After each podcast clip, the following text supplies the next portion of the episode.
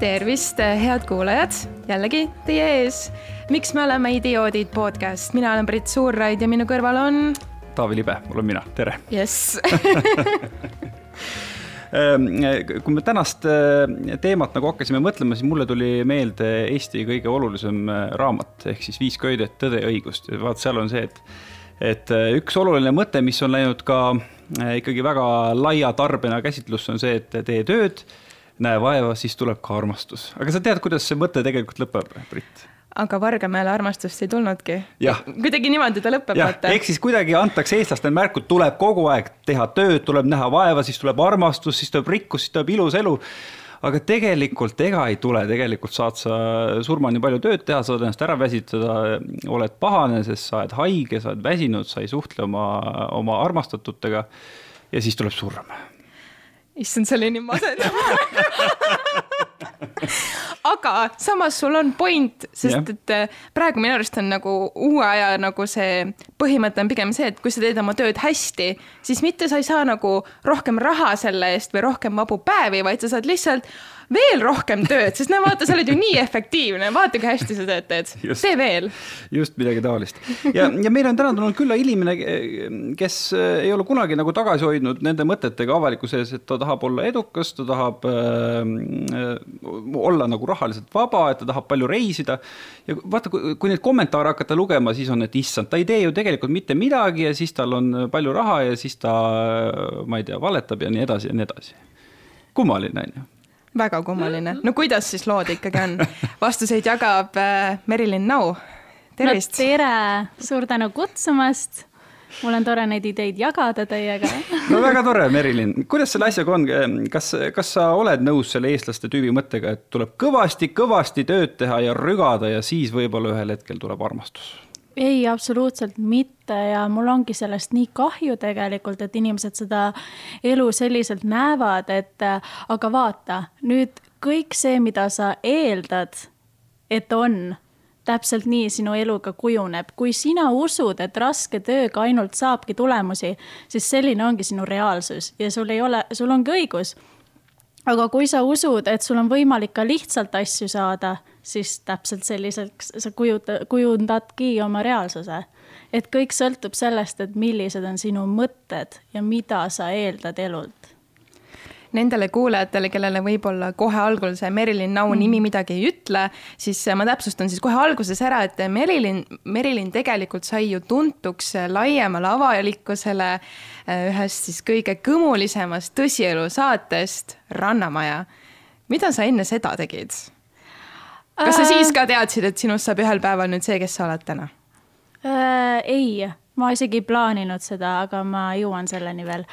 et äh, ma tegin ennem missi asju, modellindust, ma samamoodi reisisin nagu, ma tegin tegelikult suht sarnaseid asju juba enne seda ja siis tuli Rannamäe ja see andis mulle lihtsalt selle platvormi teha asju võib-olla suuremalt ja nüüd ma ikka olen nagu, teen seda, mis mulle pähe tuleb, et mulle kogu aeg tegelikult inimesed ütlevad, et, et äh, võta endal normaalne töö, mine õpi seda, teist, siis ma mõtlen, milline see normaalne töö on, et ma teen seda, mis noh, mulle pähe tuleb.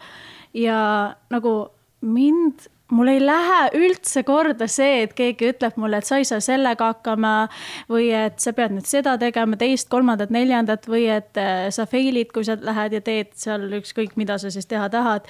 et äh, ma ikka teen seda, mida mu sisetunne ütleb mulle, et ma, ma ei ole mõjutatav oma mõistuse poolest, nagu sa ei saa mulle pähe panna mingeid ideid see ei ole võimalik. kas sa oled kogu aeg selline olnud või, või su ähm, elus on olnud ka selline murdepunkt, kus sa said aru, et, et nüüd aitab teiste kuulamisest, nüüd ma lähen edasi niimoodi, et ma teen täpselt seda, mida ma ise tahan um,? tead, ma olen lapsena äh, alati nagu osanud oma sisetunnet kuulata. ja ma tean nagu Vau, mõistusega on seda nagu raske, kuidas seda loogikalt, loogiliselt on seda raske nagu kirjeldada, aga ma kuulan oma sisetunnet pidevalt ja ma tean, et see ei vea mind mitte kunagi alt. ja isegi kui reaalsus on teine ja ma näen silmadega, et asjad ei ole nii, nagu on, siis ma ikka kuulan oma sisetunnet ja ma lähen selle järgi. ja ma tean, et üks hetk ikka need asjad lähevad nii, nagu mina soovin.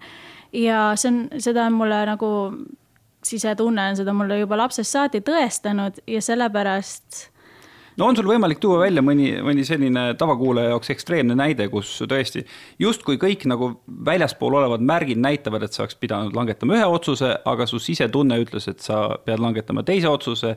sa langetasid selle sisetunde järgi otsuse ja see oli õige, kuigi tundub, et niimoodi ei oleks mm. tohtinud minna. no näiteks jällegi ma ütlen, et inimesed ei saa vaata minu pealt neid asju nagu võtta või vaadata, et noh, et kui Merilin teeb, siis ma teen ka, et sa ikkagi pead oma sisetunnet kuulama, mis on sinu jaoks õige. aga noh, esi esimene mõte, mis mul pähe tuli, oli see, et ma ei olnud koolis hea õpilane, mul oli, mul oli stress ja kõik muud asjad, see lihtsalt ei olnud võimalik. ja mu sisetunne ütles mulle, et äh, hinded ei ole olulised, et ükskõik, äh, mis hindeid sa siis saad, et need ei vii sind kuhugi või et see ei ole sinu elus, see ei määra mitte mingisugust rolli. aga inimesed, ja siis ma lasingi kottlohinal just sellepärast, et sisetunne ütles, et mul ei ole seda vaja, et miks ma pingutan asja nimel, mida mul pärast pole vaja, et ma hoian endal energiat kokku ja ja mul olidki, siis jätkasingi oma halbade hinnetega, tegin nii nagu tuli.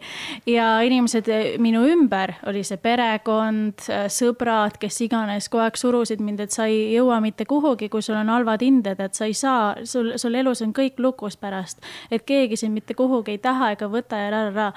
ja ma kuulasin, ma kuulsin seda nagu hommikust õhtuni ja ma olin ikka, et ma tean, et noh, et mul ei ole neid vaja ja nüüd, kui ma olen täiskasvanud, siis ma vaatan, et mul ei olegi neid vaja olnud. et kõik on nagu tõestanud vastupidi. ükskõik, mis asi see on, on lihtsalt see, et kui ma kuulan sisetunnet, siis lähebki see nii mm. -hmm.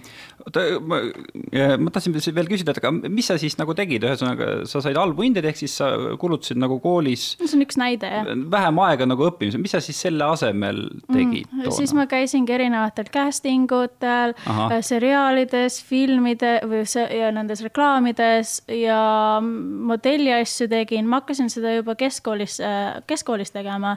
ja tegelikult põhikoolis ma käisin Endla teatris isegi näitlemas. Ja mul oligi täiesti suva tundidest puududa, kui vaja ja, ja et äh, kui midagi jääb tegemata, no so what ehk siis sa panustasid ikkagi Nendel muudesse asj... asjadesse, mitte ei pannud kuskil pidu lihtsalt? jaa, et ma panin, ma tegin neid asju, mida ma päriselt teha tahtsin juba, et ma ei viitsinud oodata, et millal nüüd ka täiskasvanuks saan, kool saab lõpetatud, et siis ma hakkan neid tegema. aga sel hetkel, kui ma olen juba kooli läbi teinud, siis mul olid need kogemused kõik olemas, ma juba teadsin, mida järgmisena teha ja veel suuremalt, kui kõik teised samal ajal alustasid alles kõigega. et ma ei, ma ei karda üldse võtta riske ja mida mina lihtsalt enne tahtsin äh, lisada, Taavi näitas mulle, et ära räägi ma mõtlesin, mul läheb küsimus meelest ära, sorry. ei, lihtsalt see kõlab nagu mina koolis matemaatikatundides algul ponnistad, ponnistad, välja ei tule, siis lõpuks üks hetk oli see, et no kurat, ma niikuinii ei lähe kunagi edasi siit mingit matat, matat õppima. Vahet pole, nii et ma seda, mm -hmm. okei okay,, ma tean mingit Pythagorase teoreemi, aga kõik need muud on ammu ära unustatud. ja vot näe, ma töötan meedias ja mul ei lähegi vaja seda ja, aga kõik sõltubki sellest, mis on, mis sinust pärast edasi saab, et mis on sinu eesmärgid eh, või mis on sinu nii-öelda see südamesoov, mida sa hiljem tahad teha et kõik sõltub sellest ka, et kui sa tahad arstiks minna, siis loomulikult sul peavad hinded head olema, et seal väga muud vist varianti ei ole, et sõltub mm. -hmm noh, nii palju, kui mina olen nagu aru saanud ka meedias töötanuna ja, ja meedias figureerinuna üle kümne aasta, siis nagu sa lood äh, ikkagi kogu aeg endast mingit kuvandit ja see on väga riskantne samm, kui sa lased sellel kuvandil nagu uppi lennata sinu kuvand vähemalt ühel hetkel paar aastat tagasi oli see, et sa olid Eesti OnlyFansi ristiema. sel suvel tulid sa välja sõnumiga, et, et kui mingisugust alastust on nähtud seal OnlyFansis, siis see ei ole hoopis sina. sa lasid selle kuvandi no, põhimõtteliselt nagu õhku. väga riskantne samm, miks sa niimoodi tegid mm.? Ma ei tea, nagu selles mõttes, et ma ei ütleks, et või, või mis on seal halba see, et kui keegi seal poseeribki paljalt, see on tema enda ei, teha. absoluutselt, ei no, selles ja. ei olegi midagi halba, aga, aga.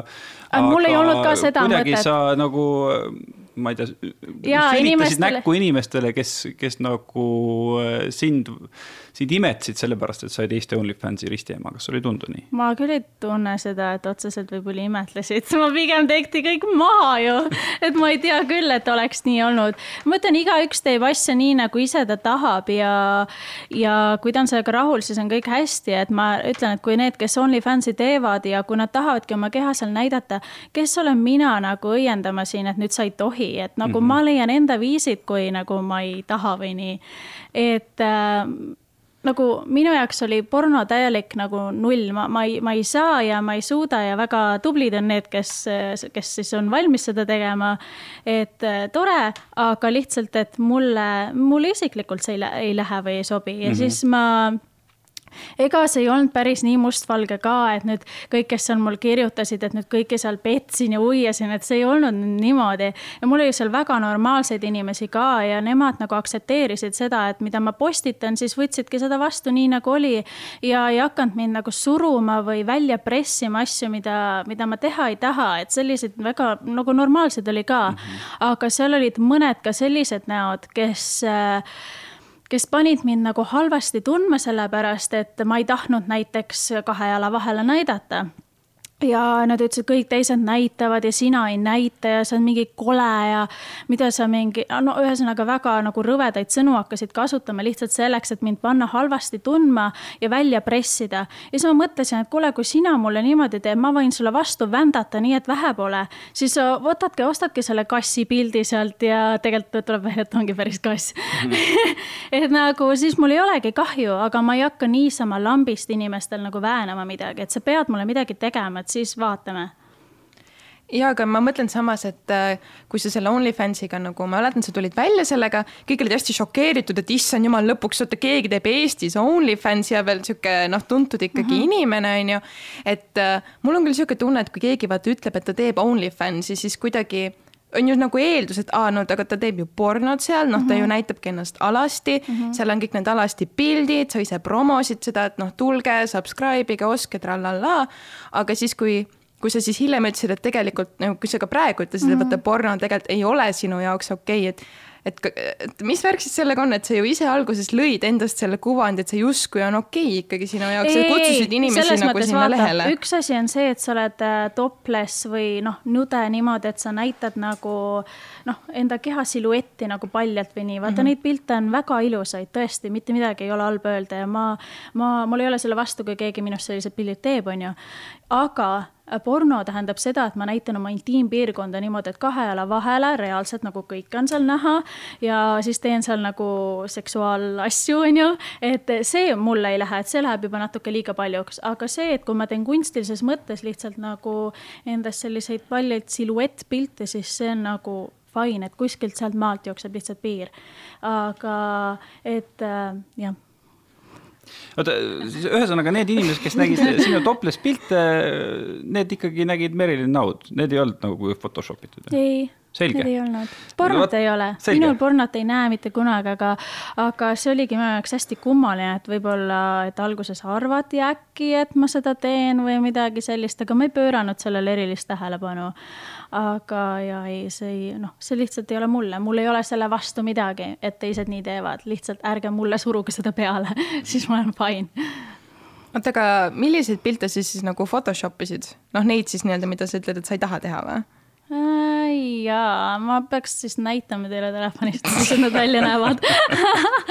Et mõni oli selline, kus oli nagu keha siit maalt, siit kaelast saati võetud ja tehtud nagu pandud teise kehaga, noh, jah. Mhm, okei. Ma ise mõtlen, kuidas see sul nagu õnnestus üldse või, sest et meil käis ka tegelikult ju äh,, meil on käinud külas Marimumm, kes samamoodi teeb OnlyFansi.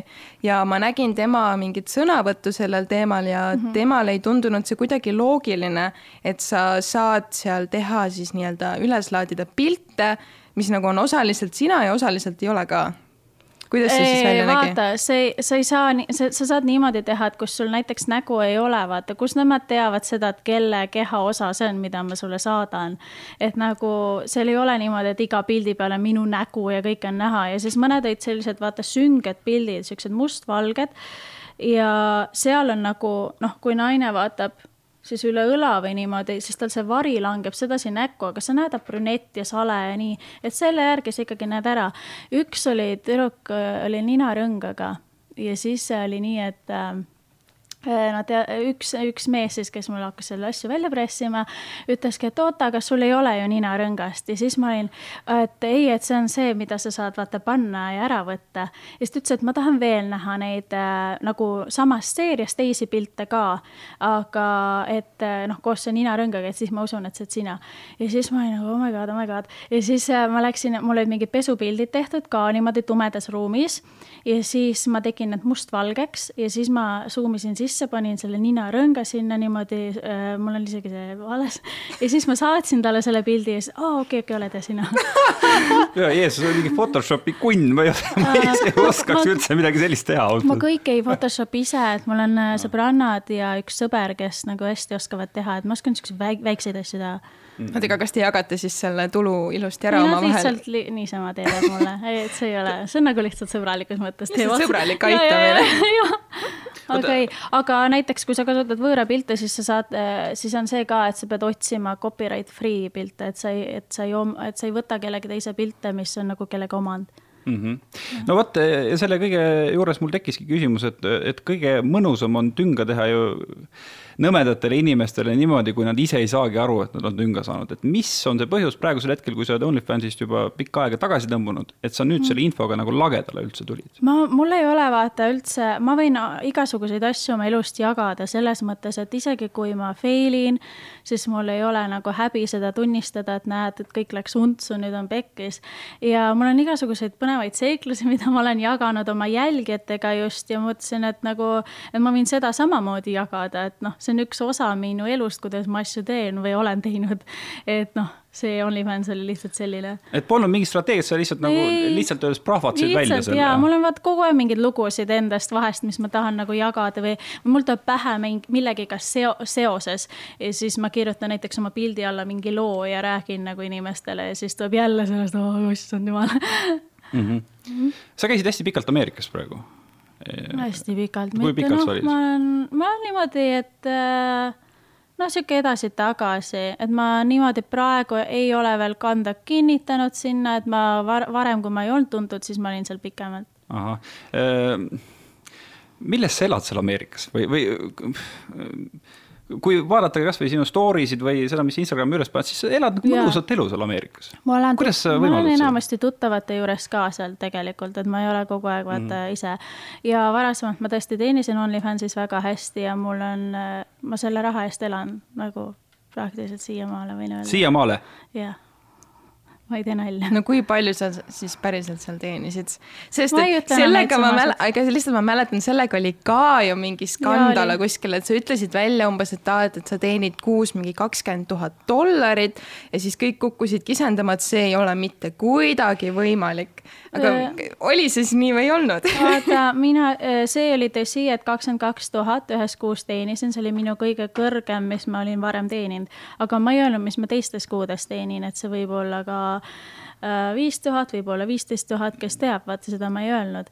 aga ma teenisin piisavalt hästi, et ma täna saan ka veel nagu sellega elada ja mul on ka mm. teisi projekte ja asju, millega ma teen, millega ma tegelen, seega praegu ma lähen täiesti uues suunas mm. -hmm no kui me jätame selle OnlyFansi kõrvale, seal on hästi lihtne, kuidas see raha teenimine käib, on ju mm., on võimalik hästi teenida. kuidas ülejäänud sotsiaalmeediaga on, sa oled ju teistel platvormidel ka aktiivne? ja ma varem äh, tegin ja ma tegin ka koostööd Instagramis yeah., see oli ka üks viis, aga ma täna ei taha enam teha Eesti brändidega koostööd. mis asja, mikspärast ma ei tea, ma tunnen pigem, et see jääb, mul on nagu ideed on nii suured ja kõik see, kuidas ma tahan asju teha, et vaata äh,. brändid ei ole nagu, nad ei ole võimelised finantsiliselt ka kõigega kaasa tulema, mida nad teha tahavad, et on needsamad igavad giveaway'd ja. siis ma ei taha mingisuguseid äh, vitamiini, vett ja kotlette promoda, et nagu minu jaoks on see igav, sorry. et äh, ma pigem, mul on nii hea statistika hetkel ja ma ei taha seda sellega ära rikkuda, et ma praegu postitan täpselt seda, mis mulle meeldib ja et keegi ei, ei saa nagu dikteerida seda, et mis ma sinna panen, aga äh, ma pigem võtan vastu välismaa koostöö, koostöid ja selliseid, mis on nagu võib-olla nagu suurejoonelised või mis mulle ka ikka väga meeldivad. ja, jah. ma tahan lihtsalt asju suuremalt teha, et ei mingit beefi kellegiga. nojah, ei no Eestis on ju absoluutselt ka muid äh, toredaid äh, ettevõtteid peale, ma ei tea, Beliefi vee ja, ja Tallegi, et, et tõesti. ei no ma räägin neist, ma rääkisin üleüldse. kui selline suurem, suurem bränd tahab sinuga koostööd teha, sa päris ausalt ütle, et sa ütled, et kuule, ma ei praegu võta. ei viitsi, ma, ma ütlen ilusti, et ma ei võta praegu koostöid vastu. ahah aga ma lähen, ma liigun nii teises suunas, ma, ma soovin, et ma saaks sellest praegu rääkida, aga ma ei saa ja ma pean nagu hullult nagu praegu vagus hoidma. aga sul on kotis juba midagi täitsa, põrsas on kotis, ütleme nii. mul on ja mul on midagi igal juhul, mul on tulemas väga suuri asju, aga ma ei saa lihtsalt sellest veel rääkida mm. -hmm ei, ma oleks. ja see ei äh, ole Eestis, need on yeah. kõik nagu välismaal, seepärast ongi, et need projektid, asjad, mis tulevad, need liiguvad ikkagi mul välismaailma suunas. okei okay,, äh, jätame siis praegu konkreetsed asjad mm. kõrvale, aga, aga mm -hmm. räägime sellest, kuidas tekitada kontakte äh, siis välismaal mm -hmm. suurte brändidega, millega sa tahad koostööd teha ja mis nagu käivad su unistustega kaasa, kuidas see kontakti loomine käib? üleüldse kontakti loomine on see, et sa pead ise olema ilge suhtleja et sa oled hästi avatud ja sa, vot niimoodi on sul väga lihtne saada erinevaid kontakte ükskõik kus maailma otsas. et sa pead ise olema julge minema inimeste juurde, rääkima oma ideedest, rääkima endast bla, bla, blablabla, ühesõnaga jutt jookseb ja kui inimene näeb sind kui sind, siis sealt tulevad ka muud asjad edasi. mõnikord on see, et see inimene, kellega sa tutvud, ta võib-olla ei pruugigi sulle nagu midagi anda, aga sealt järgmised kontaktid tulevad veel edasi ja sealt avaneb veel järgmiseid uksi. näiteks kui ma käin, olen Hollywoodis käinud, siis seal samamoodi samamoodi, et alguses käisin mingi suvalistel villapidudel niisama, vaatasin, et noh, et polnud elu sees sellist asja kogenenud, kogenud, aga nüüd on nii, et, et sealt veel omakorda edasi on kontaktid, kes kutsuvad kuhugi veel suurematesse kohtadesse. Ja see ja nii on nagu väga nagu äge, aga sa pead lihtsalt ise olema hullult avatud. Mm. -hmm no kuidas sa sinna nagu sisse murdsid, et kas see oligi siis ikkagi tänu kogu sellele missinduse ja modelli maailmale või nüüd, kui meid kuulab nagu mingi noor tüdruk näiteks, kes mõtleb, et oh, mina tahaks ka sellist elu. Okay., mida ta siis tegema peab, kuhu ta läheb, kellele ta kirjutab? Nagu vaata, mina olin samasugune üks hetk, ma, mul olid, ma olin suurte unistustega, ma kogu aeg mõtlesin, et, et kuidas ma saaks midagi ägedamalt ja suuremalt teha. ja ma hakkasin ka nagu otsima, ma ütlen teile midagi väga kavalat. Ühesõnaga, mina tegin seda tol hetkel nii, et see oli aastaid tagasi ja noh, mul tekkisid pähe siuksed nagu üksikud ideed, et oh, tahaks seda teist-kolmandat proovida, aga need ideed ei läinud läbi, aga tuli midagi uut ja suuremat. ühesõnaga, see oli siis nii, et äh, kuidas ma sinna LA peole sain, oli see, et äh, aastaid tagasi ma guugeldasin seda, et kuidas saada Playboy Playmate'iks, vaata kunagi see Playboy oli ilgelt, ma ei tea, äge, äge asi, vaata täna on see nagu äh ja tol hetkel ma tahtsin teada, kuidas see toimib ja mul sõbranna oli ka veel Playboy Playmate või see Playboy tüdruk või modell või asi. ja, ja siis ma leidsin internetist äh, erinevaid kontakte ja ma leidsin ühe USA äh, Playboy direktori selle kontakti ja ma lisasin ta siis Facebookis listi, mõtlesin noh, igaks juhuks, et never know, võib-olla näen ta profiilil midagi, mingeid casting'u asju, et saab vaadata. ja siis äh, mitu kuud läks mööda ja alles siis ta lisas mind vastu ja siis ühel hetkel hakkasid tulema äh, ma ei tea, mõned, mõned nädalad hiljem hakkasid siis tulema mingisugused kutsed kuskitele, kuskile villapidudele ja kogu aeg oli tema see, kes neid korraldas. Ja siis ühel hetkel ma olingi Ameerikas, Hollywoodis siis ja ma saingi Facebooki siis selle kutse, et tule, tarara, siis ma mõtlesin, väga hea, et ma olen siinsamas, et nüüd ma saan minna. ja siis ma läksin ja siis ma nägin terve kari tüdrukuid, igasugused modellid olid seal reas. ja siis ma olin nagu, ma läksin täiesti üksinda ka veel, et natuke kõhe oli, et ikkagi kartsin. aga noh, ma kartsin just sellepärast, et äh, see oli midagi uut, ma ei olnud seda varem teinud ja siis olid, äh, siis oligi seesama Playboy tüüp seal onju. Aga seal ei olnud Playboyga mingit pistmist, et sellega ta enam ei olnud siis tegelenud, et ta nüüd muid asju teeb. Ja, ja siis tuled, siis on mingi ilgelt suur maja basseinide vaatega kuskile äh, sinna LA linnale, siis tulevad mingid limusiinid ette, viivad meid veel, veel kuhugi, aga tol, tol hetkel minu jaoks oli see nii põnev, ma sain nii palju kontakte nagu nende tüdrukutega. Ja noh, need omakorda veel viisid mind edasi nagu järgmiste inimeste juurde. ja siis samamoodi see Playboy direktor, tema kaudu äh, ma sain ka veel mingisugust mingisuguste teiste tüüpidega tuttavaks, kes siis omakorda ava-, nagu kutsusid mind kuhugi sellistele pidudele, kus ma sain siis äh, host ida show'd ja niimoodi see oli nii lahe mm. -hmm. no midagi pole teha, ega viimased aastad on ju Ameerika meelelahutustööstuses avanud äh, sellise kardinataguse maailma, et me isegi näeme, et, et produtsendid on isegi noh, tuntud näitlejatele mingi rolli puhul öelnud, et vaat sa pead sa pead mingisuguseid seksuaalseid teenuseid osutama, et kui sa lähed nagu sellise tundmatu tütarlapsega no, nende, nendele pidudele, kui palju on seal selliseid inimesi, kes äh, tahavad sind ära kasutada või annavad sulle võimalusi ja ütlevad, vaat selle eest sa pead minuga magama. kas sa puutusid sellistega kokku? ma ei näinud seda üldse seal. ausalt või? täiesti ausalt, ma arvan, et see on natukene äh, tead, ma arvan, et see on natukene üle pandud veits, et see ei ole päris nii mustvalge, et nüüd sa kindlalt pead magama seal kellegiga, et siis midagi saada. et need on erandjuhud ja ma arvan, et seal on, ma ei tea ju vaata neid diile, mis seal taga on, et mis põhjusel nad magavad seal kellegiga. ma ei saa kellegi teise eest rääkida, aga ma ei näinud seda nagu üldse seal mm. -hmm et kui sa ise kellelegi, ma ei tea, kaela ei ripu rippuma ei lähe. ma ei tea, ma ei saa sellest rääkida, sest mm -hmm. ma ei mhm. tea, minu jaoks on see võõras sina ei näinud ja sa ei kuulnud, et kellelgi. ei, ma ei kuulnud ka mm. -mm no ei, no see läks hästi ju selles suhtes, et ma noh, ikka tulevad aeg-ajalt meelelahutusmaailmast neid telgitaguseid. No ma, need on Eestis ka, ma olen kuulnud, aga, aga siiski noh, see on niimoodi, et sa ei tea kunagi, mis seal, mis, mis see diil nende kahe inimese vahel on, et miks see nii on ja see, et sa kellegagi magad, ei garanteeri sulle veel mitte midagi. et sa pead ikkagi tark olema mm, -hmm. et kaval ja tark ja see viib sind edasi ja palju pidu panema ei, ei pea, ma ei tea, mina ei pane seal pidu näiteks üldse, aga noh, ega sa näole võid ikka ennast anda, aga sa ei pea seal ennast kummuli jooma mm. -hmm. aga suhelda tuleb võimalikult palju inimestega. hästi palju suhtle- ja hea suhtleja pead olema, siis sa saad väga palju kontakte tõesti.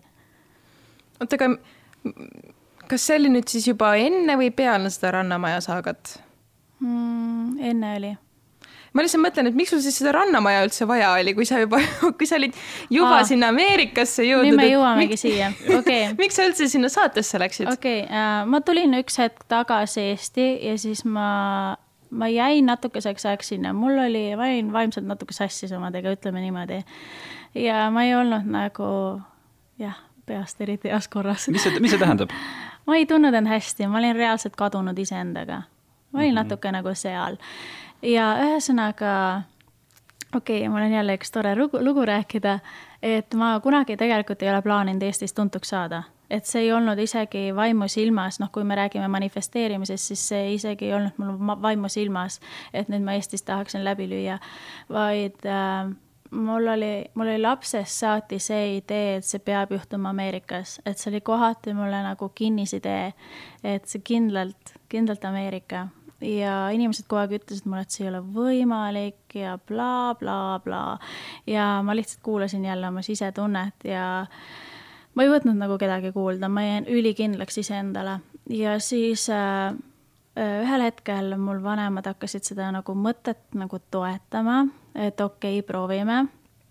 aga ja mul isa ütles ülihästi selle kohta, et tead, kui sa tahad nagu Ameerikas läbi lüüa, siis kõigepealt hammusta väikselt, et proovi Eestis äh, nagu silma jääda ja vaata, kas sulle üldse nagu meelelahutus meeldib, kas see on üldse sinu teema ja kuidas sa üldse hakkama saad. ja siis ma mõtlen, see pani mind mõtlema ja siis mõtlesin, et okei okay,, et väljakutse vastu võetud ja äh, Rannamaja tuli väga juhuslikult me ellu, aga ma ütlengi, et täht-, vahet ei olegi, millega sa tuntuks saad, sest tänapäeva interneti ajastul on väga lihtne tegelikult saada tuntuks. aga sa pead, sul peab olema midagi, millega ennast siis orbiidil hoida. ja, ja siis see läks nagu läbi ja ma tegin kõike, mis, mida tegin, ma õppisin tundma nii Eesti turgu ja ma tean, milline on ka Ameerika turg, ma tean, mis Eestis ei toimi ja mis toimib Ameerikas ja vastupidi. ja et tegelikult mul ei ole vahet see, mul, mul, mulle ei lähe nagu see korda, mis inimesed siin nagu arvavad või selles mõttes, et äh, äh et mis maitse ma otseselt neile suhu jätan, vaid minu jaoks oli, on see nagu oli eksperiment, et mida ma endale sellega tõestan. et kui palju ma suudan hakkama saada ja, ja et, et mis töötab ja mis mitte mm. -hmm.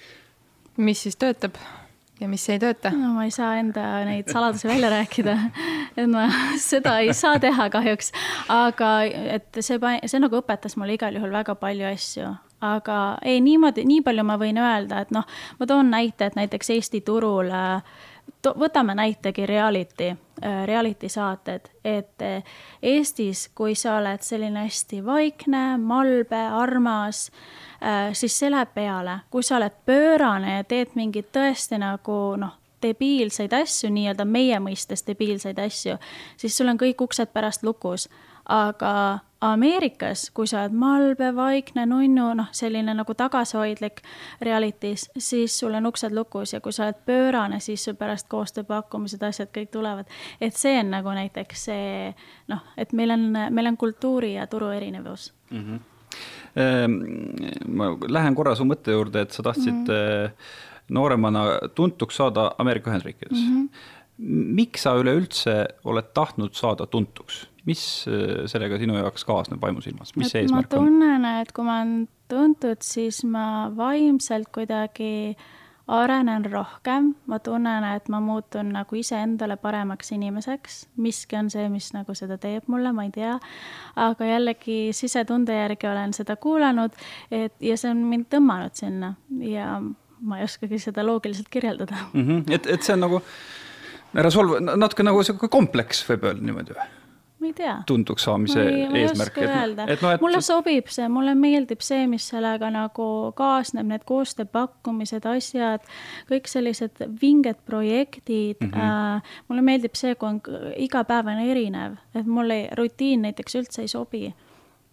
ja ja kõik just need projektid ja asjad, et see reisimine igale poole ja need asjad, need mulle nii-nii hästi nagu sobivad ja need mulle väga meeldivad ja ma arvan, et sellepärast ma olen nagu sinna teed pidi läinud. ahah, no mis ma seda küsin, vaata, et on mm -hmm. ju hästi palju valdkondi, eh, kus väga edukas olemine toob kaasa nagu tuntuse ja siis on nagu selline teistmoodi, et, et, et tuntus, mis omakorda ka toob kaasa võimaluse katsetada erinevaid asju, teha erinevaid projekte, et sina siis pigem nagu sedapidi seda asja mõtestanud, et võiks, võiks nagu saada tuntuks, mis tooks sulle valiku ja ka muud moodi vabaduse mm. -hmm ja tuntus tegelikult annab seda väga palju ja see teeb nagu mõned asjad ka lihtsamaks, et äh, ähm, ja igal juhul, et see annab mulle palju rohkem valikut, sul on õigus mm. -hmm.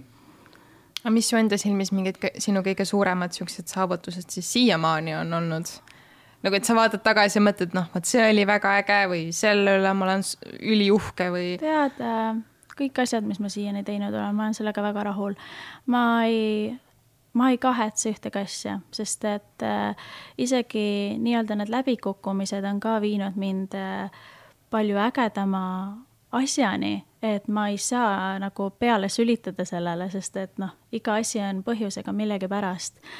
ja ma olen, mul on kõige üle hea meel, mida ma siiani teinud olen no kui rääkida võib-olla ühest -hmm. no see ei ole otseselt läbikukkumine, sest et seda ju tegelikult ei toimunudki, aga mm -hmm. no see kurikuulus Ninety Day Fiancé, kuhu sa mm -hmm. pidid äh, vist ju minema või nagu ma mäletan, et sellest oli hästi palju juttu, et jaa, ma lähen, juba tead, on lepingud, trallallaa mm -hmm. ja siis see kadus ära et kas sa oleksid, äh, noh, selle saade sisu on ju see, et kaks nii-öelda inimest, neile antakse üheksakümmend päeva, et nad peavad siis äh, abielluma, et saada see viisa sinna Ameerikasse. kas sa, kas sa oleksid päriselt nagu abiellunud siis mingi inimesega, keda sa praktiliselt ei tunne? ma ei tohi sellest rääkida. miks nii? ma ei tohi sellest praegu mitte midagi rääkida. kas me nüüd saime teada, mis Merilini uus projekt on? ma ei tea, ma ei ole kindel, aga vaadake, oodake lihtsalt okay,. ma praegu ei tohi midagi rääkida. okei okay no jube hea tüki sai praegu siit kätte. okei, aga siis teine projekt, sellest me kindlasti saame ju rääkida, kullakaevurid. no mis juhtus? Tead äh,, me olime nii erinevad inimesed ja. aga kas te ei saanud siis ja, sellest enne ei, aru, kui te tead, nii kaugele juba jõudsite äh,? Mm -mm, sellepärast, et vaata, kui sa teed koostööd kellegiga, siis tulevad need äh, põhi, siis tuleb see tõeline pale välja ja sa näed ka nagu neid, äh, siis on stress ja kõik muud asjad. ja sa näed seda inimest hoopis teises olukorras kui muidu igapäevaselt. et äh, et lihtsalt ma ütlen, et koostööpartnerina ei klappinud, muud ei olnudki aga, aga see, see nagu rahasumma, et te küsisite selle ühe mm. koolituse eest vist per nägu oli kaks tuhat eurot. kui palju neid inimesi teile siis tuli, kes olid nõus seda raha teile maksma äh,? Neid oli kolmteist. nojah no. ma lihtsalt, ma mäletan. aga üle, üle, üle viieteistkümne me ei võtnud ka uh, -huh. et viisteist ei maksa ja ma mäletan lihtsalt seda kullakaevurite teemat, et seda ikka lahati ka meedias päris palju mm. ja keegi ei mõistnud eriti, et miks te sellist äh, summat selle eest küsite. Mm..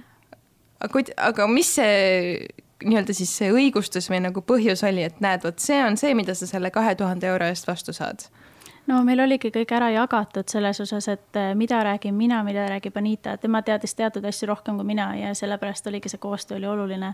ja ma teadsin, mul, mul on need kogemused ja siis ma teadsin selle põhjal rääkida erinevaid asju, mida toimub ja väga palju on seda, et eh, see praktiseerimine koha peal, et sa saad ise kõike läbi käia ja läbi teha, et tegelikult see idee oli nagu väga-väga äge. aga see ongi oluline, et sa pead ise nagu sees olema selles ja proovima, vot. Mm no kui kolmteist inimest oli nõus kaks tuhat eurot maksma selle eest, siis ei ole ju küsimus, et, et miks nii palju. Absoluutselt mitte, sa oleks võinud rohkem küsida isegi. No kellele kuidas, kellel on palju, kellel mitte, aga jällegi koolitajad ütlevad, et näiteks ei ole üldse palju, et see on, see ongi normaalne summa. Mm. -hmm ei noh, selline hinna testimine absoluutselt käib sellise uue, uue teenuse juurde. no selles mõttes, Merilin, sa vist ise väga ei karda skandaalidesse sattuda, sul on suht savi on ju sellest kõigest on ju. no Eestis on jällegi niimoodi, vaata, et skandaalid siin on natuke siukse kahtlase maiguga. aga Ameerikas jällegi seal, seal on nagu, kui sa skandaali ei tee, siis on midagi siis on midagi teistmoodi. et jälle ma ütlengi, et see turu erinevus on nii suur mm. -hmm nojah, see riik on seal vist nii suur, et üleüldse selleks, et pildile pääseda, sa pead ikka mingi, midagi väga suurega hakkama saama ja skandaal on üldiselt suurem. see lihtsalt ei tohi asjad. olla vaata selline nagu mm, nagu negatiivne skandaal selles mõttes, et kas see on seotud mingi peksmise, ahistamise ja selliste asjadega, vaata siis on nagu see, et kaotad tööd ja asjad. et see, see peab olema niisugune nagu naljakas või põnev skandaal, et noh, sa pead selle nagu ikkagi ära tundma ma praegugi me rääkisime sellest, äh, nendest skandaalidest, mul tuli lihtsalt meelde, kuidas kunagi oli lauljatar Ariana Grande, kes umbes lakkus sõõrikut, ütles, et ma vihkan Ameerikat ja siis kõik olid valmis teda juba nagu tühistama ja prügikasti viskama. jaa et..., aga ta tegelikult hiljem põhjendaski, et ta oli seda lakkunud, et ta ütles selles mõttes, et ta vihkab Ameerikat sellepärast, et siin on sihuke toit, et noh, et selline suhkrut täis ja niimoodi, et ma sain nagu sellest niipidi aru. aga noh, ei juhtunud midagi, vabandas ja aga see ei olnud jällegi nagu see, et äh, nagu jah, see oli skandaalne, see tõi talle mega palju promo aga ta ei olnud nagu selles mõttes negatiivne, et ta oleks nagu kellelegi liiga nüüd teinud. ahah nüüd mul tuli meelde, et sul oli hiljuti ka see mingi nii niinimetatud kupeldamisskandaal. just nüüd suruvad oh, ei, mul tuli meelde lihtsalt, ma mõtlesin no,, et see, see ise, see ise lahenes vist niimoodi ära, et, et sa ühesõnaga olid midagi tütarlapsele soovitanud, et, et ta, ma ei tea.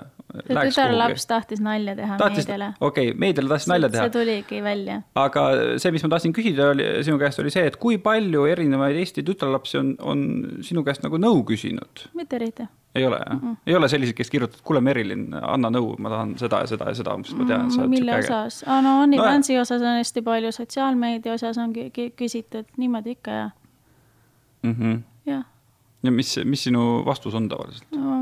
Ma ei, vaata, kui sa igalühel pead nagu hullult pikalt neid tekste kirjutama, see ei ole vaat võimalik, et ma ei saa nagu kõiki nagu aidata nii, niimoodi, et noh äh, et samm-sammult vaata kõik ette-taha ära tegema, et see ei ole lihtsalt võimalik, siis ma peaks tegema mingisuguse minikoolituse. selleks oligi see kullakaevurid, vaata. See oli teine teema muidu, et see ei olnud OnlyFansiga mingit pistmist, aga lihtsalt, et äh, jaa aga no mida, mida üks Eesti tütarlaps tavaliselt küsib sinu käest, kui ta kirjutab, et kas ta kirjutab lihtsalt, vaata, ma tahan olla edukas ja rikas ja, ja käia toredatel pidudel ja reisida hästi palju või ta kuidagi küsib spetsiifilisemalt? oleneb äh,, nagu jaa, et kui ma OnlyFansi näiteks tegin, siis küsiti hästi palju seda, et äh, kuidas ma alustan ja kuidas ma seal seda, teist, kolmandat teen, et nagu detail, detailselt vaata. ja siis on küsitud, et, et kuidas sa nagu äh, et noh, et saad siin välismaailmas reisida, et ma tahaksin ka, et mul on ka selline unistus ja et minna ja ra-ra-ra, aga ma ei tea, kuidas alustada ja noh, mina näiteks alustasin ju esimest korda kaks tuhat kolmteist aastal au, auperina ja vaata niimoodi ma sain oma nagu kanna palju lihtsamini kinnitatud sinna, sest et ma leidsin sealt äh, kooli kaudu veel sõpru. Ma käisin filmi näitlemist õppimas veel selle töö kõrval.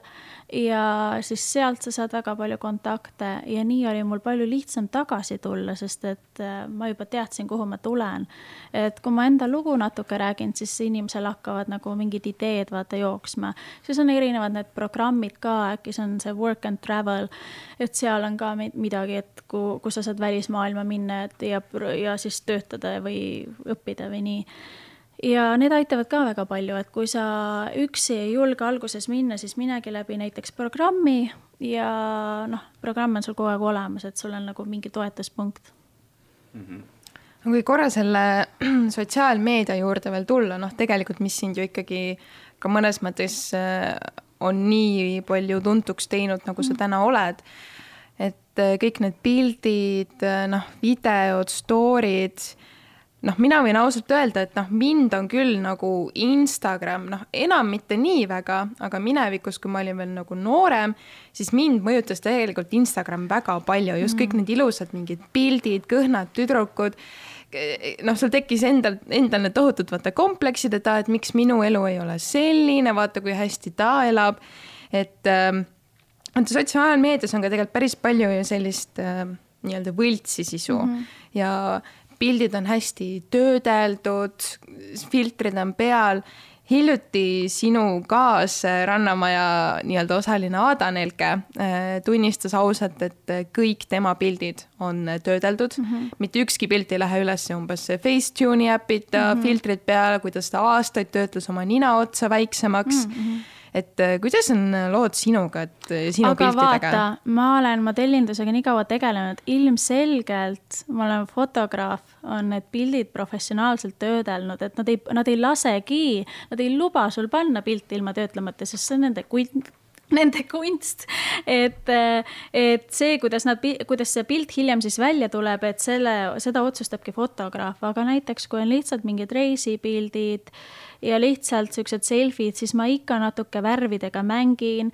Äh, vaatan ühe pildi peal näiteks on juuksed ludud, siis paned natukeseid juukseid juurde, aga ma ei tee niimoodi, et see jääb nagu ebanaturaalne selliselt, et noh, et päriselus tuleb vastu on hoopis teine inimene. et ma panen natuke seda sära ikka, aga ma tahan, et võimalikult, et mu nägu jääks ikka sarnane sellele, aga jah, muidugi ma kasutan ikka, kõik teevad seda et noh, et sa ütled ausalt, et äh, ja need pildid, mis siis ei ole fotograafi tehtud, et neid sa lihtsalt ja. nagu ainult a la mingid filtrid ja värvid on ju. ja mm -hmm. et õrnalt, et, et ma natuke nagu kohendan, et siuksed väiksed iluvead, ütlengi, et ma ei tea, oletame, et tuulega on juuksed natuke läinud valesti, siis selle Facetune'iga sa saad natukene teha selle volüümika sinna ülesse, aga mitte nii, et ta nüüd noh, et äh, nagu kriiskab seda võltsi mm. -hmm. aga ma olengi nagu nii nii palju jätnud, et, et oleks võimalikult päriselule sarnane, aga natuke lähen jah, jah.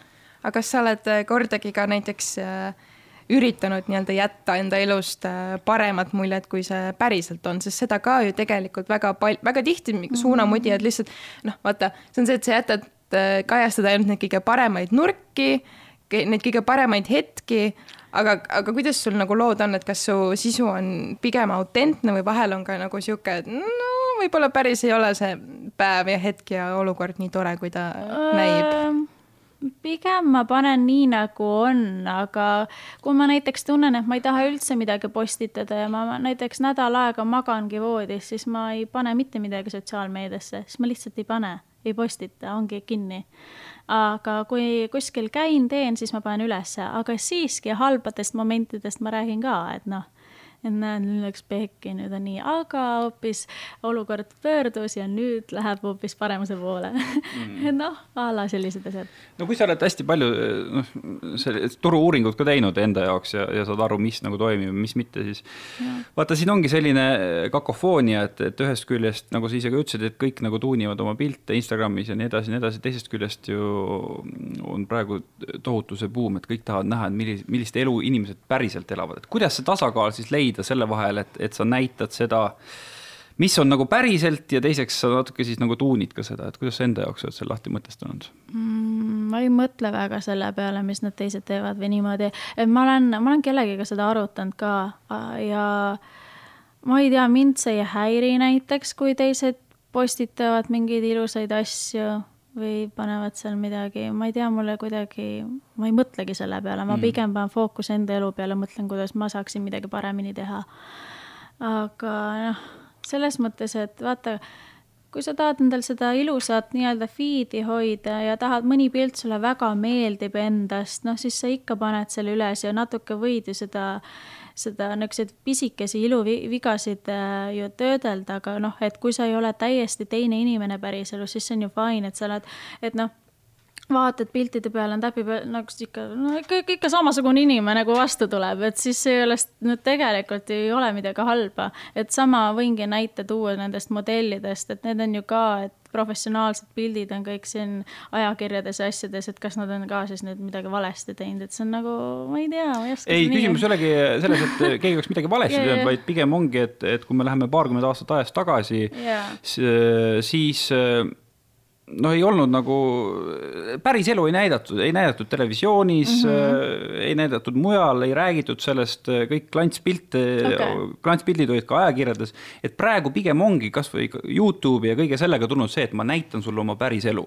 ja samas on kõrval on see, et, et sa ikkagi nagu tuunid oma pilte, et kumb siis nagu rohkem peale läheb tänapäeval, kas see mm -hmm. ilus Instagrami feed või see, et keegi näitab, kuidas tal kodus ongi vahepeal päris pekkis tegelikult on huvitav jälgida seda, Ameerikas näiteks läheb see hästi peale, et, et mida rohkem sa nagu näitad päris iseennast ilma filtrite ja asjadeta totaalselt, et siis see nagu rahvale väga meeldib, siis nad tunnevad, et nad samastuvad sinuga.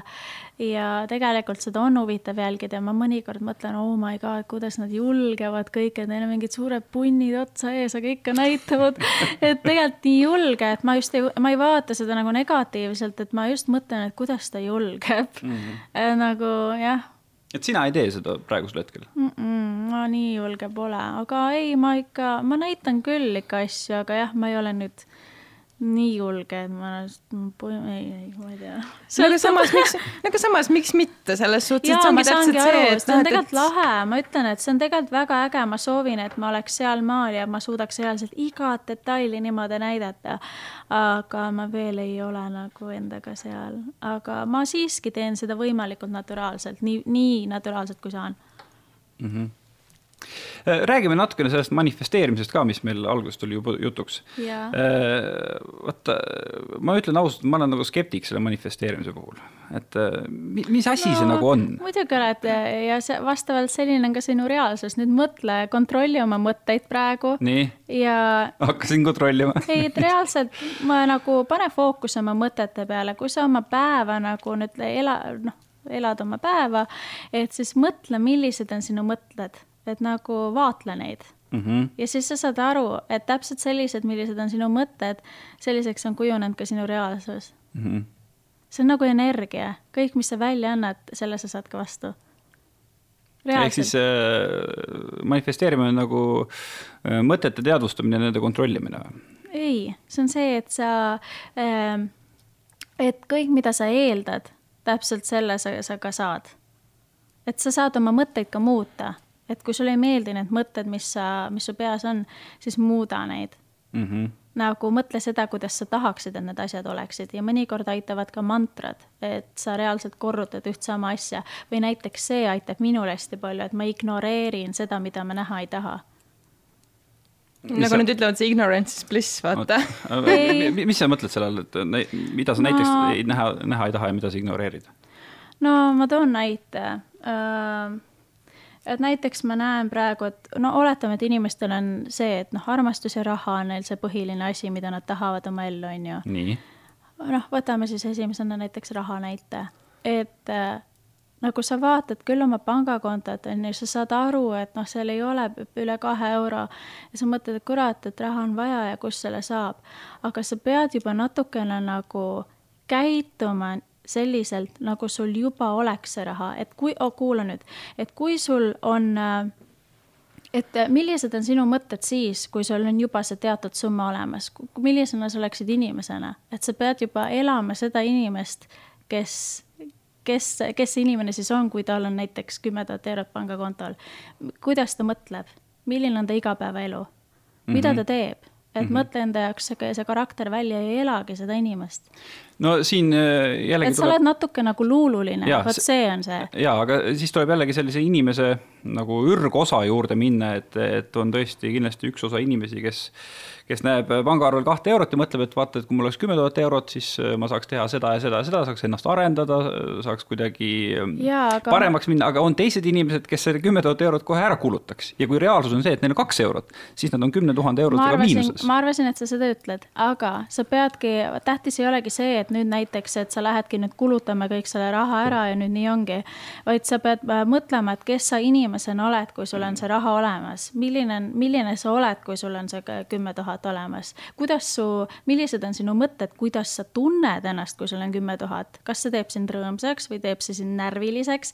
kõik need asjad, väiksed detailid mõtle enda jaoks välja, et milline sa siis oled, kui sul see raha on olemas mm. -hmm. ja vaat, eh, kui sul see karakter on nagu nii-öelda välja mõeldud või, või noh, mis on ikka nagu sinulik ikka, siis, eh, siis nagu ela seda inimest, eh, kellel siis see raha olemas on et milline sa oleksid, milline on su igapäevaelu, mida sa sööks?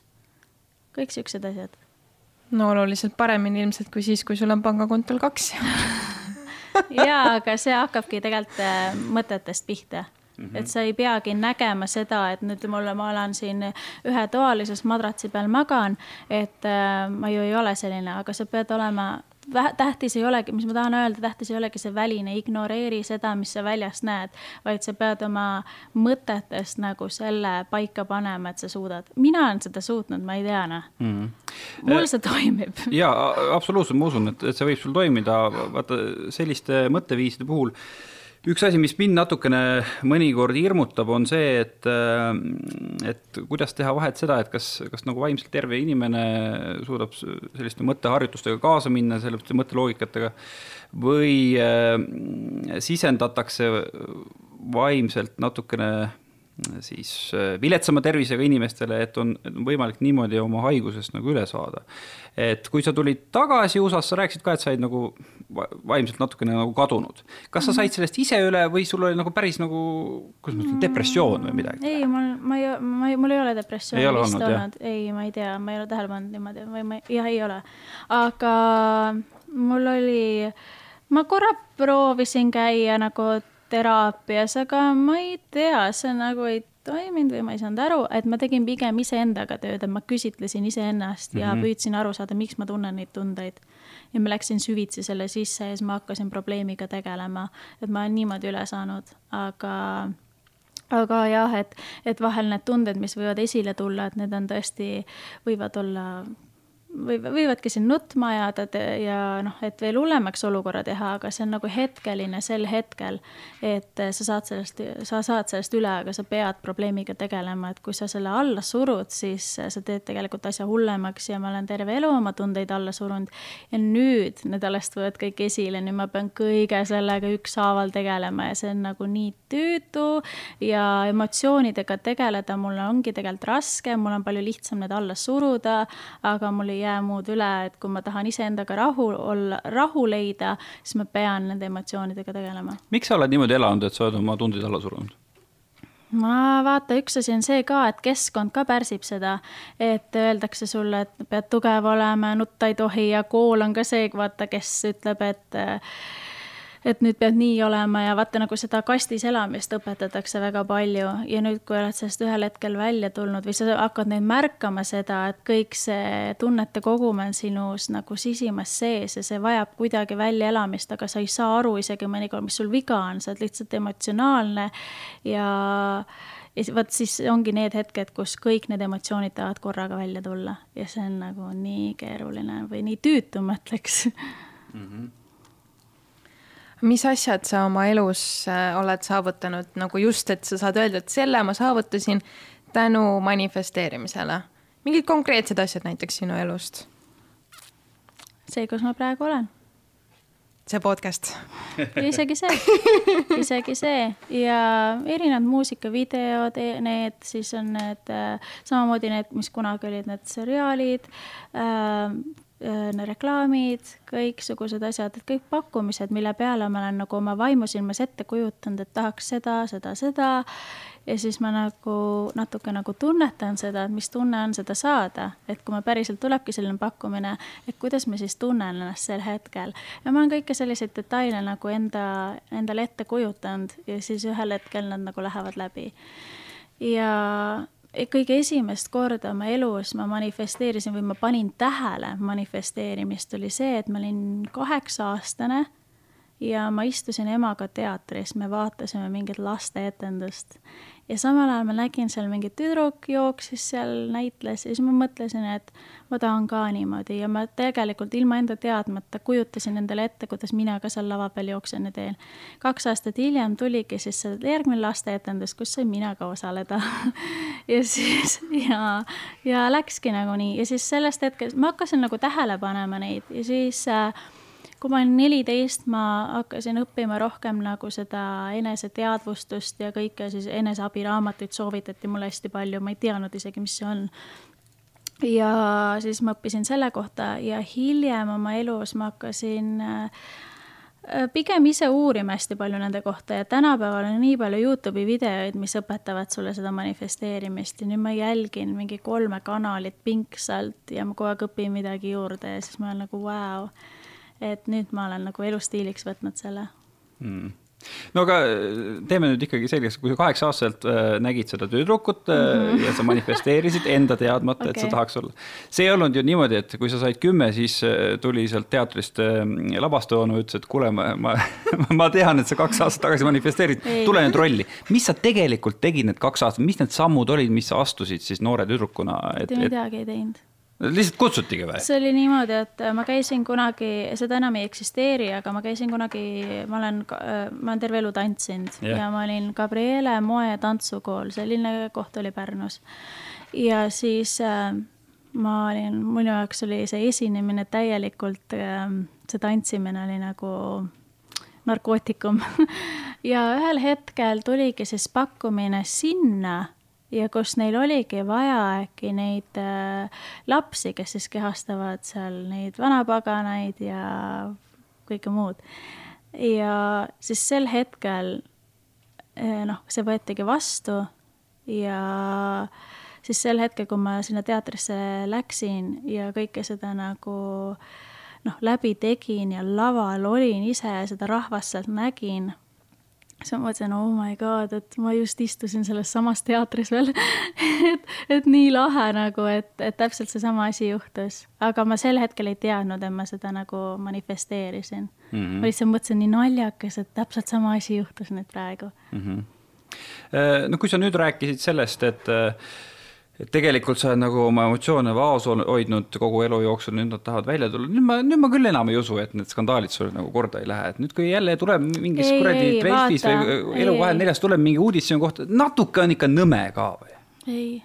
sind üldse olen... ei kõiguta või? ei, ma olen nii harjunud sellega, ma olen nii palju sitta endale näkku saanud terve elu jooksul, et mul on nagu no ikka, sa võid sada korda saada sitta näkku, aga sa esimesel korral ikka natukene haiseb, enne kui sa maha pesed mm. -mm päris ausalt? päris ausalt, ma vannon, et ei ole. okei okay sul on üht-teist õppida, Taavi. Jah, no lihtsalt ei ole, aga tead, mis äh, noh, vaata, üks asi on see ka, et kui sa õpid oma emotsioonidega tegelema, siis sa saad tegelikult aru sellest, sa õpid ka ennast tundma. Mm -hmm. ja sa saad aru nagu sa saad iseendast palju paremini aru. Ja see ka, et noh, psühholoogia on mind väga huvitanud, ma olen nagu igasuguseid asju lugenud ja õppinud selle kohta.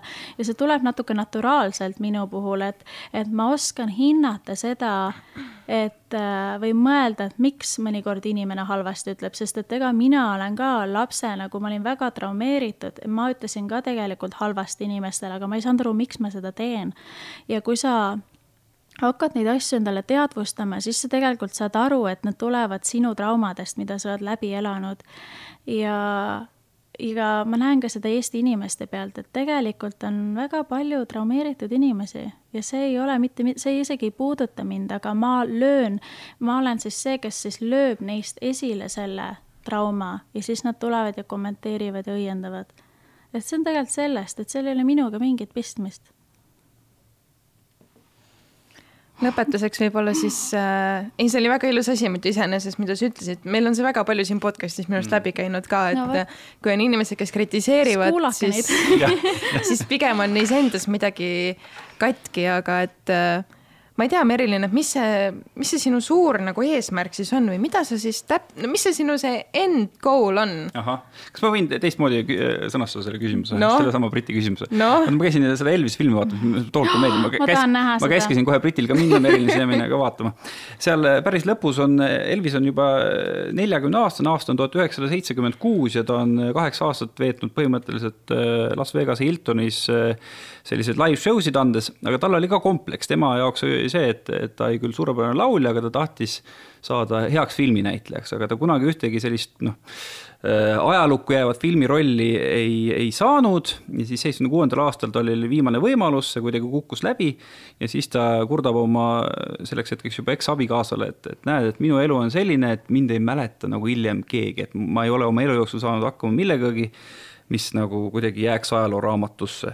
no nüüd nelikümmend kuus aastat hiljem me, me saame aru, et tegelikult läks teistmoodi, aga, aga kui palju, Merilin, sina mõtled selle peale, et, et kunagi tulevikus, kui sa vaatad oma elule tagasi, et mis on, mis on see mingisugune asi, mis sa pead olema ajalooraamatusse raiunud, et sa saaks rahul olla?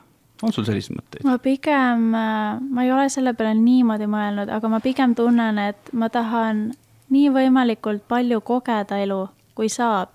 ja et ma ei kahetseks mitte midagi, et kõik, mida ma teen, siis ma teen enda jaoks.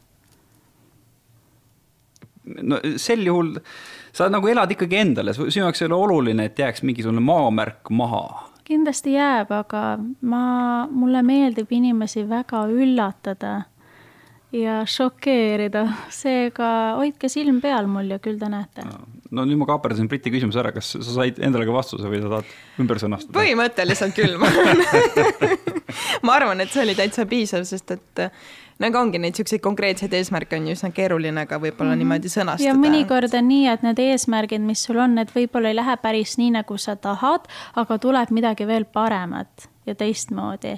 sa, ma natukene nagu usaldan seda elu, elukulgu ka, et ma usun seda, et kõik tuleb mu ellu siis, kui seda, kui selleks on vaja. aga ma lähen eluvooluga kaasa ja jällegi mulle meeldib üllatada see oli üllatusmuna Merilin Nau. jah mina olin Brits, minu kõrval oli Taavi. ja, olin siiamaani olen ka edaspidi vabandust, nii ebaoriginaalne. igatahes kuulmiseni, tšau. tšau